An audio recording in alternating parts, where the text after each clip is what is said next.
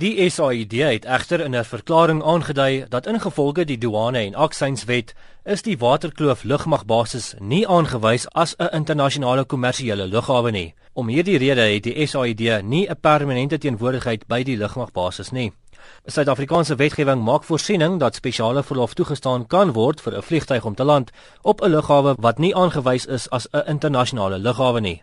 In sulke gevalle moet douane en aksiesbeamptes van die SAID in kennis gestel word sodat hulle na die lughawe kan gaan ten einde goedere en passasiers op die vliegtuig goed te keer. Daar was volgens die SAID geen douane amptenare teenwoordig Dinsdagoggend op die Waterkloof lugmagbasis nie.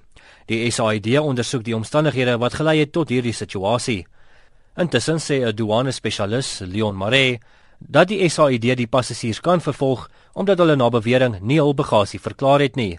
Die loods van die vliegtyg kan ook vervolg word omdat hy 'n lys van passasiers en goedere aan die SAID beskikbaar moet stel. Hoofstuk 12 van die van die douane en aksieswet maak voorsiening vir boetes en so voort. In daardie hoofstuk kry jy artikel 81 wat sê non-declaration in respect of certain goods. Dit daar staan dat enige persoon wat nie die goedere die ingevoerde goedere klaar nie. In ingevolge artikel 15 met ander woorde dit is nou die persone self wat in beheer is dit geld nie ten opsigte van die loods nie. Shall be guilty of an offence and liable on conviction to a fine not exceeding 8000 rand or treble the value of the goods in question. Dan praat hulle self van 'n periode van tronkstraf van 2 jaar.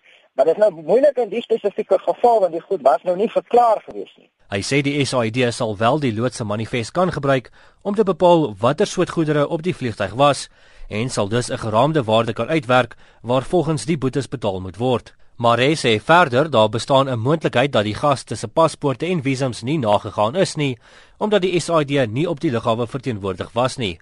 Dit alleen is 'n baie ernstige saak. Ek is Justin Kennedy in Johannesburg.